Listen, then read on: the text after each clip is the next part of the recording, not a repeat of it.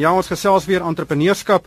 Ons gesels met uh, innoverende entrepreneurs oor hulle suksesse, hulle mislukkings, die geleenthede wat hulle sien. En hopelik kan ons iemand vandag ooreed om die groot stap te neem om self uh, hulle eie ding te doen en 'n uh, eie besigheid staan te maak. Nou, ek het die afgelope hele paar weke verskeie e-posse van luisteraars ontvang wat spesifiek kla dat hulle sukkel om finansiering vir hulle sake idees te kry. Nou, dis 'n probleem wat baie entrepreneurs het. En ek gaan in die tweede helfte van die program met Christo Botus van Business Partners gesels oor wat entrepreneurs kan en moet doen om hulle kansse om finansiering te kry by instellings 'n bietjie te verhoog. Nou, ek weet een van die grootste foute wat baie entrepreneurs maak, is dat hulle gaan klop by die verkeerde deure aan. Ehm um, weet jy, daar's meer as 150 verskillende instansies in Suid-Afrika wat finansiering aan klein ondernemings verskaf. En elkeen van hulle vervul 'n verskillende funksie en, en en te veel entrepreneurs gaan klop net aan by hulle naaste bank en dan is hulle in sak en as as die man met die grys skoene nie vir hulle 'n lening wil gee nie. En ek gaan beslis uh, hieroor met Christo gesels van Business Partners. Luisteraars kan of my SMS stuur met vrae wat ek aan hom kan stel. Uh, die nommer is 45770 Uh, dit kos R1.50. Ek sal dit dan aan Christo stel. Maar nou eers gaan ek bietjie met ons entrepreneur van die week gesels en dit is Elmarie Maree van Centurion van die Centurion Daghospitaal. Um, dis 'n relatiewe nuwe daghospitaal daar in Centurion. Uh, hulle is net meer as 'n jaar aan die gang. Elmarie, welkom by doen jou eie ding en dankie vir die moeite dat jy ateljee toe gekom het. Baie dankie, Ryk, is lekker om hier te wees. Hmm. Daghospitale is 'n interessante tipe van 'n mediese diens. Ehm um, weer is 'n uh, iets wat ook nou nie heeltemal al so baie aanklank in Suid-Afrika gevind het as in ander werks uh, wêrelddele nie. Uh wat is die storie agter uh Centurion Daghospitaal en en, en presies wat doen julle daar? Wel, Ryk, ja, daghospitale is tipe van 'n nietjie in Suid-Afrika.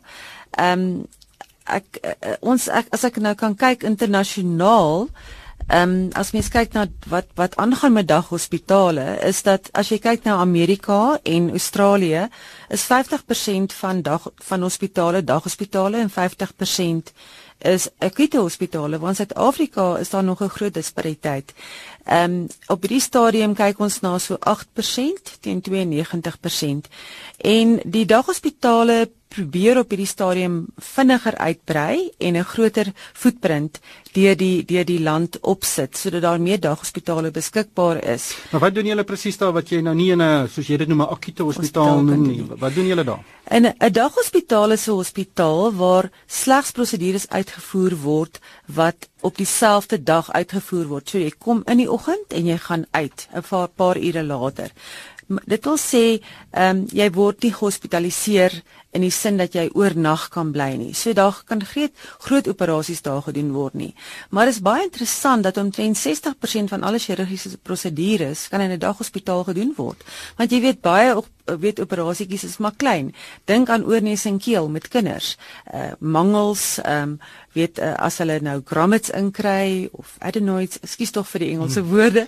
Ehm um, maar uh so daar is 'n klomp klein proseduretjies. Uh prosedures wat jy dan nou nie oorslaap ja, of opgeneem word nie. Ja, jy word net jy word opgeneem, jy kry jou narkose, jy kry jou klein prosedure binne is gewoonlik 'n uur in teater op maksimum uh met groter bietjie prosedures en dan word jy herstel jy word wakker en dan gaan jy huis toe in 'n baie vriendelike, veilige, koste-effektiewe omgewing. Hmm. En en en ehm um, dis baie goedkoper vir die pasiënte. O ja, geweldig. Jy kan nou dink aan 'n akute hospitaal, wat hulle alles moet hê. Hulle het 'n ongevalle. Hulle het 'n intensiewe sorg. Hulle het hulle hulle hardloop 24/7 hardloop hulle met massiewe hoeveelhede personeel. Dit wil sê hulle oorhoofse koste is geweldig hoog. Waar jy 'n daghospitaal ver eh, moet jy in die aand toe wees. So jy maak ons begin gewoonlik 07:30 in die oggend opereer op klein kindertjies want hulle moet 0 per mond wees. En dan teen 5:00 die middag dan is ons klaar. Dan moet ons dan dan dan dan is die deure toe. So ons het baie minder personeel maar baie goeie diens. En natuurlik ehm um, 'n baie kindervriendelike omgewing en die mense ervaar dit eintlik nie soos baie erg soos 'n hospitaal nie. Dis 'n lekker omgewing. Ek hoor die bemarker in jou maar. Ja. Kom ons gesels oor die op die entrepreneurskaps ehm um, posisie. Weet as mens nou kyk na jy noem dit nou akute hospitale of die ander private hospitale, dit word besit deur hierdie enorme groepe, weet Netcare en uh, en Medikliniek en en dis meer. Ehm um, maar julle is uh, daar's twee aandeelhouers in in die Centurion Daghospitaal. Ehm um, ja. hoe het hierdie twee wie is hierdie um, aandeelhouers en nommer 2 hoe het hulle besluit ons wil graag eendag 'n hospitaal hê? Wel dit het lank gelede begin. Ehm um, daar's 'n dokter ehm um, wat basies hy hy wou 'n teater opset hê. Nou die departement van gesondheid uh gee wel hulle noem dit 'n unattached operating theatre unit. Dit is 'n teater wat wat op volgens hulle standaarde bedryf word waar jy dagprosedures kan doen. Dit is nou dit is nou hulle definisie daarvan. En hy het 'n aansoek gedoen vir hierdie teater om tandheelkundige prosedures te doen want die tandartse in Centurion het so fasiliteit nodig gehad. Ehm um, en ook vir kosmetiese prosedures. Wanneer het dit gebeur? 2000 in 2000 ja 2000 ons aansoek gedoen vir die lisensie. Omtrent 15 jaar gelede. Ja, en ons het toe 'n lisensie gekry vir die twee spesialiteite. Ehm um, en dit was in 2003 het ons toe ons kliniekie oopgemaak met een teater, 'n prosedurekamertjie en 5 beddens. Baie klein. So die droom gegroei. Ons het gedroom om ons om 'n groot daghospitaal te hê waar Is dit is dit nou jy en jou man? Ek en my man en dan is daar nog ander dokter op betrokke. Ja. Okay. En uh toe het ons gedink en gehoop en ge, gehoop ons gaan die ons gaan 'n groot lisensie kan kry, 'n algemene lisensie waar al die dokters van alle spesialiteite hulle dagprosedures kan kom doen. So ons het gedroom en ons het gesoek na persele. Dit het jare gevat, maar die hele ding is ons het net 'n lisensie gehad vir twee spesialiteite en ons moes 'n algemene lisensie kry.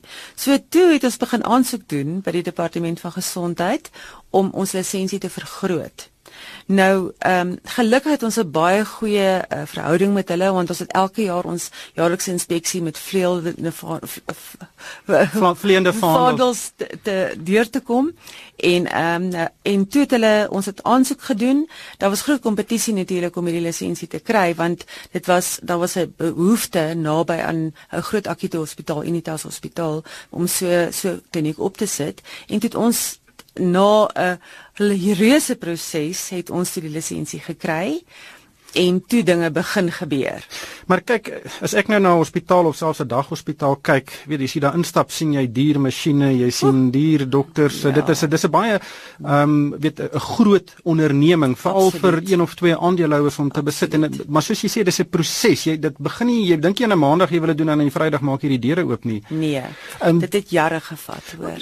Hoe moeilik is dit om met die regering? Kyk, hier's baie regulasies betrokke en ek dink dis seker die meeste hoepels waardeur 'n mens kan spring as om 'n mediese uh, weet 'n eenheid oop te maak. Ja. Um, hoe, hoe moeilik was dit om hierdie regulasies alles daaraan te voldoen en al daai checks te sit langs die langs die boksies? Wel, jy weet, ehm um, soos ek sê, ek het 'n goeie verhouding met die departement van gesondheid gehad. Hulle het hulle gee vir jou wat jy moet doen. Ehm um, en uh, dan volg jy maar die die plan. Jy moet weet aan alle regulasies voldoen en jy moet onder andere ook uh, uh, jy moet jy moet bewys gee dat jy het klaar 'n uh, erf jy het klaar alles reg om hierdie fasiliteite gaan bou. En dan het hulle 'n dik hulle Bybeltjie hulle die R R158 regulasie. Hy's omtrent so 'n dik boek en daarin is al die regulasies wat jy moet voldoen om 'n hospitaal te bou. So, nou moet jy 'n uh, uh, argitek kry wat weet wat hy doen om 'n hospitaal te ontwerp.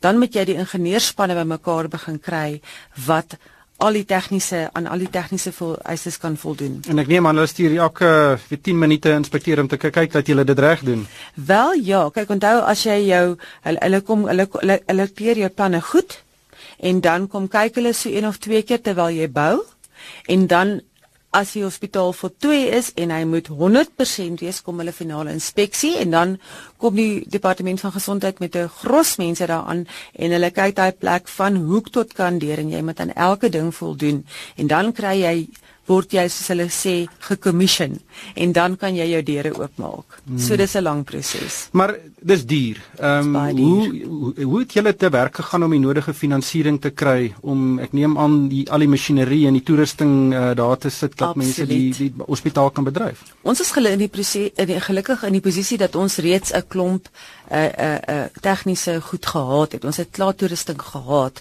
van ons vorige fasiliteite wat ons weer kon gebruik. Maar natuurlik was dit 'n heeltemal 'n ander speletjie hierdie. Ons ons het nou 20 bed basies 3 teater fasiliteit. So dit was baie groter as wat ons gehad het. So die om die gebou te bou was klaar verskriklik groot. So dit was ons eerste ding om finansiering te kry om die gebou te bou.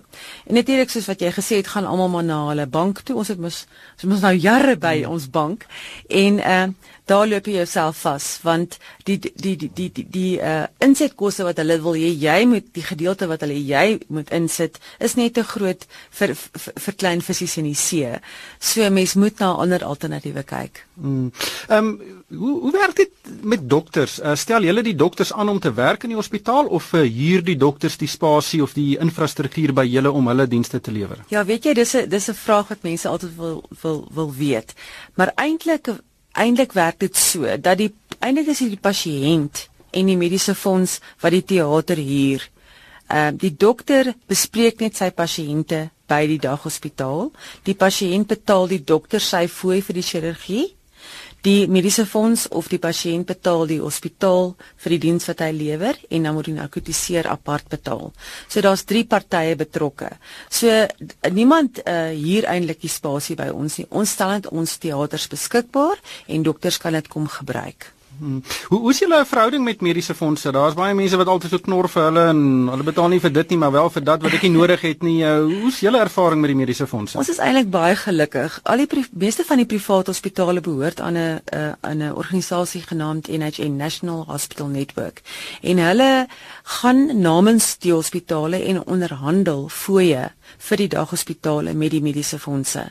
Want elke mediese fonds het maar sy eie dinge. So, ehm um, hulle kom terug en hulle sê goed hierdie discovery gaan dit betaal met die help sal dit betaal. Dit is die fooie wat hulle toelaat vir vir daghospitale of vir akute hospitale. Dis nou al die private hospitale. Maar hulle hulle onderhandel namens ons en ons kan eintlik nie met hulle onderhandel nie. Dis ons onder die handeling met NHN dat ons sal nie gaan inmeng nie. Hulle onderhandel vir ons. 'n goeie fooi en bekostigbare fooi Jy jy's nou die uh die algemene bestuurder of die hoofbestuurder uh van die hospitaal. Wat wat is die as mens nou na na die hospitaal se besigheid kyk, die dinge wat jou die meeste wakker hou in die nag?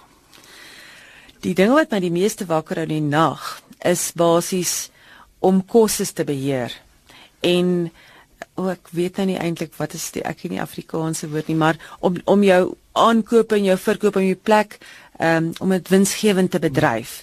En natuurlik dan uh om om die hospitaal bekend te stel. Ek doen ook die bemarking. Dit is ook my ander ding wat ek doen. So uh mense moet die dokters daar kry. Jy moet die dokters kry om jou fasiliteite kom gebruik. Jy moet die die die die die pasiënte en die publiek inlig en, en wat hulle weet wat is hulle rol in hierdie hele spel. Jy weet en hoe kan hulle geld spaar en hoekom is daar hospitale daar? Julle doen nogal baie bemarking. Um, ja. Ek sien op Facebook is daar 'n lewendige blad aan die gang. Hoekom met 'n hospitaal bemark? Weet jy, ehm um, soos ek vir jou sê, hier is nie 'n ding dat dat dat, dat daar is dokters wat by die hospitaal is nie. Hulle moet kom van 'n uh, akute hospitaal of van hulle spreekkamers of al is dit in 'n voorstad of wat ook al en besluit hulle kom gebruik jou hospitaal. So ons met ons voordele en die die die die uniekheid van ons hospitaal moet ons aan die dokters gaan oordra en ook vir die vir, vir die publiek sê kom na hierdie hospitaal toe kyk wat kry jy hier. Ehm um, ons kyk mooi na jou. Dis vriendelike personeel is 'n wonderlike omgewing. Dis 'n veilige omgewing. Uh die dokters on, ons kyk mooi na die dokters. Uh, hulle hulle hulle het 'n baie vriendelike omgewing waarin hulle ook ook kan werk. So dit is maar dit is 'n privaat hospitaal, so jy moet die ouens na jou toe trek. Uh weet uh, om om om om jou fasiliteite kom gebruik. Hmm. Het julle enige uitbreidingsplanne? Wel op hierdie stadium ehm um, glo ek nie ons gaan ons ons ons gaan nou kan uit ons wil nie nou uitbrei nie want ons ons moet nog eers ons fasiliteit ons is nou maar 'n jaar aan die gang. So ons is tevrede met die groei, maar daar is nog plek vir baie groei. En ehm um, ek dink ook nie die departement van gesondheid sal baie maklik nog uitbreiding gee nie, want uh, kyk, hulle kyk hoeveel beddens is beskikbaar in 'n omgewing, is daar behoefte vir uitbreiding in hospitale? As daar nie behoefte is nie en daar's 'n klomp ander hospitale wat opkom, dan sal hulle nie vir jou laat uitbrei nie, want anders is daar 'n ooraanbod en dit sal hulle nie toelaat nie. Ek moet jou sê. Ek gesels met Elmarie Maree van die Centurion Dag Hospitaal. Ehm um, ek wil ook nou vir Christo Botus van Business Partners uh met intrek by die gesprek. Christo, uh, welkom by uh Ehm um, doen jou eie ding. Jy weet julle verskaf baie finansiering vir hierdie tipe van ondernemings. Ehm um, hoe lees julle hierdie groot kapitaalintensiewe besighede? Is dit makliker vir mense om byvoorbeeld finansiering te kry as jy so 'n groot hospitaal met toerusting wat weet tasbaar is uh om vir daai tipe van ondernemingsfinansiering te gee teenoor byvoorbeeld 'n ander onderneming wat eerder 'n diens lewer? Ja, goeiedag en goeiedag ook Elmarie. Uh, dit ja, dit is uh, jy weet dit is elke besigheid word op sy eie manier hanteer, né? En uh soos Elmarie gesê het, uh, jy weet dit is uh, die banke het nie oor hulle voete geval om om hierdie uh, besigheid te finansier nie, maar ons het ons het 'n bietjie verder gekyk na die samestelling van die entrepreneurs en uh en ook uh, hulle hulle trek rekord uh in hierdie bedryf en uh en wie bring hulle saam met hulle na na hierdie hospitaal toe en uh en so het ons gesê wel uh, op oorweg van omstandighede al is dit 'n groot kapitaalbelegging uh ons is bereid om die kans te neem en uh en dit gaan meeste van die kere oor die oor die entrepreneur en as ons vertroue in die entrepreneur het uh en dit is die regte tipe besigheid vir daardie entrepreneur dan sal ons dit finansier. Met ander woorde dit dit dit gaan meer oor die entrepreneur as as wat dit gaan oor oor die besigheid van die besigheid en die entrepreneur moet by mekaar uitkom.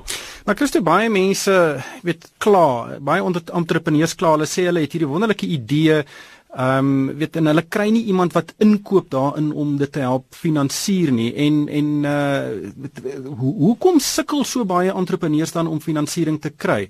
Ehm um, is daar weet kan jy vir hulle miskien een of twee wenke gee wat dalk daai daai daai uh toegang tot kapitaal bietjie kan ver, kan vergemaklik? Ja, ek dink die belangrike ding is jy moet jou gedagtes moet jy op papier sit en ek soek nie 'n 'n hele boek wat van 100 tot 150 bladsye en as jy dit kan 'n neerskryf op 3 4 bladsye dan is dit ook goed, maar dit moet jou eie gedagtes wees oor daai besigheid, hoe jy dit wil bedryf. En en en dan begin ons te te praat daaroor en onderhandel en in die die nou let dit net ondersoek wat ons dan doen. Uh tel ons ander gapings op wat die entrepreneur nie noodwendig aan gedink het nie. En en in die in daai proses kan 'n mens die die plan meer volledig inkleer, die prentjie meer volledig inkleer en dit bring dan die risiko ook verder af. Dit is dit is vir die entrepreneur. Ons sit nie stel nie daai entrepreneur op vir vir om te faal nie, maar om suksesvol te wees. Veral as jy 'n risikofinansiërder is soos ons, kan jy nie uh, jy weet jy, jy moet daai gapings wat daar is in die mondering van daai entrepreneur moet jy moet jy toemaak deur mentorskap deur ja. die nodige plek dinge in plek te kry uh voordat voordat jy daai finansiering uh, uh, uh laat vloei. Elmarie uh, Ek skiet tog Christo Elmarie by hoeveel instellings het julle gaan aanklop voordat julle toe die uh, die die groen lig gekry het? Man, ons het omtrent ehm um, by 'n paar van die normale banke waar ons self rekeninge het ons aansoek gedoen. En ehm um, ek het eintlik ek het geweet van business partners. Ek het al voorheen met iemand my vertel van hulle. En ek het ehm um, ons het toe besluit ons gaan die business partners pad loop. Hoekom het die banke vir julle nee gesê?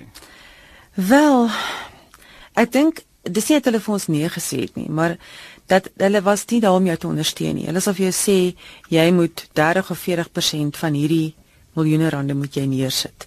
Uit jou eie sak uit. Uit jou eie sak uit. En dan dan kyk jy na 'n hospitaal soos ons moet bou. Jy jy as die hospitaal gebou is, dan moet jy nog die dat, soos jy gesê het, al die toerusting ook koop. So dit is onmoontlik vir uh, vir klein visies in die see om hulle drome te realiseer onder sulke omstandighede. Christo, um, ek het nou die dag het ek het ek by 'n konferensie gehoor daar is meer as 150 uh instellings in Suid-Afrika wat finansiering verskaf aan klein en middelslag ondernemings. Dit is 'n geweldige groot aantal. Weet as jy my nou vra, ek werk nou al baie lank in die entrepreneurskapsbedryf. Ek gaan dalk by 10 uitkom. Ehm um, hoe algemeen is daar geld beskikbaar vir entrepreneurs Ehm um, en en uh, maak dit 'n verskil by watter instansie jy uitkom of by watter instansie jy vra vir geld? Ja, uh, jy weet reik dit is as jy as jy kyk na daai 150, party van hulle spesialiseer in sekere bedrywe. Party van hulle doen net mikrofinansiering, party doen uh net beginner ondernemings. Uh ander sê nee, ons finansier net vanaf 50 miljoen op. Ehm um, ander sê weer nee, ons wil net die SME nis wil ons bedien en dit is soos byvoorbeeld business partners en uh en daar's baie rolspelers. Uh maar ek ek dink 'n mens kan jou uh vasloop in baie uh red tape om die Engelse woord te gebruik. En uh en en jy moet jy moet jou regte finansieringsvernoot kies. En uh, dit moet iemand wees en as jy nie al die kapitaal die eie bydrae het om uh om teen sekuriteit dan nou jou jou finansiering te kry nie dan dan moet jy na 'n risikofinansier toe gaan en daar's baie minder risikofinansierders uh as as 150 daar's nie daar's nie baie wat in dis kom as jy by 10 uitkom uh dan dan is dit al baie. En uh en en ek sou sê uh mens moet maar plek toe gaan waar iemand jou kan touwys maak totdat jy finansieringsgereed is. Ehm um, en daar's 'n entrepreneurs growth center. Ehm um, dit is dit is 'n uh, afdeling van business partners wat wat beman word deur mentors wat wat na hierdie oproepe inkry of e-posse en of uh, toets en hulle hanteer dit en hulle kry hierdie besigheid finansieringsgereed of en baie keer val dit buite ons raamwerk maar dit dit kan dan direk verwys word na een van hierdie 150 uh, instellings. Maar nog 'n groot klagte vir die finansieringsbedryf is dat dit soms baie makliker om 'n 5 miljoen rand lening te kry as byvoorbeeld 'n 500 000 rand lening. Ehm um, en baie keer het 'n uh, het 'n een persoon wat uh, net een masjien moet koop of of net 'n uh, perseel moet huur vir 'n ruk, uh, kan dan nie daai beginkapitaal kry, daai 500 000 rand nie. Ehm um, hoekom is dit so moeilik vir die bedryf om kleiner bedrae uit te leen? Dit gaan oor die koste van finansiering. Uh om daai 500 000 uit te lê kos omtrent dieselfde as 5 miljoen. Uh want vir al as jy risikofinansiering doen, dan moet jy 'n nalatenheidsondersoek doen. Met ander woorde, jy moet uh, jou due diligence doen en kyk maar is hierdie entrepreneur en is hierdie konsep en hierdie masjien is dit reg vir hierdie besigheid en en daar's 'n daar's 'n klomp werk wat jy moet doen rondom die besigheid en die entrepreneur. En as jy daai tyd en geld investeer, ehm um, jy gaan net nie die opbrengs kry op die 500 000. Hmm. Maar jy praat dis een van die redes. Jy praat nou uit die perspektief uit van die persoon wat die geld uitleen. Ehm um, dis net te duur.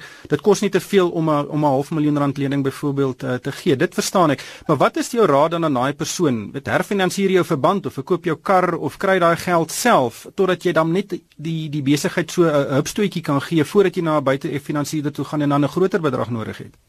Meeste beginner ondernemings begin met hulle eie kapitaal deur uh lenings te kry by familie, vriende en hulle hulle begin dit op 'n 'n bootstrap basis en uh en as hulle daai masjien wil koop, uh daar is spesialiste wat suiwer net in batefinansiering is wat teen die sekuriteit hulle hulle dit is 'n AVO transaksies uh uh afbetalingsverkoopsooreenkoms gaan hulle dit aan by daai finansiële instelling en uh en hulle kry dit gefinansier maar die meeste kere moet hulle maar eers dit met eie kapitaal begin die eerste paar stappe neem Elmarie het hmm. daarna ook verwys. Ja. Elmarie het 'n breë glimlag gegee toe jy dit sê. Ek neem aan jy het self 'n bietjie uh, die sente gedraai voordat jy die uh, die eerste baksien gepak het van die hospitaal. Ja nee, verseker. Jy weet, mens moet jou plannetjies maar mooi maak en ehm um, ek ek ek wat ek net wil sê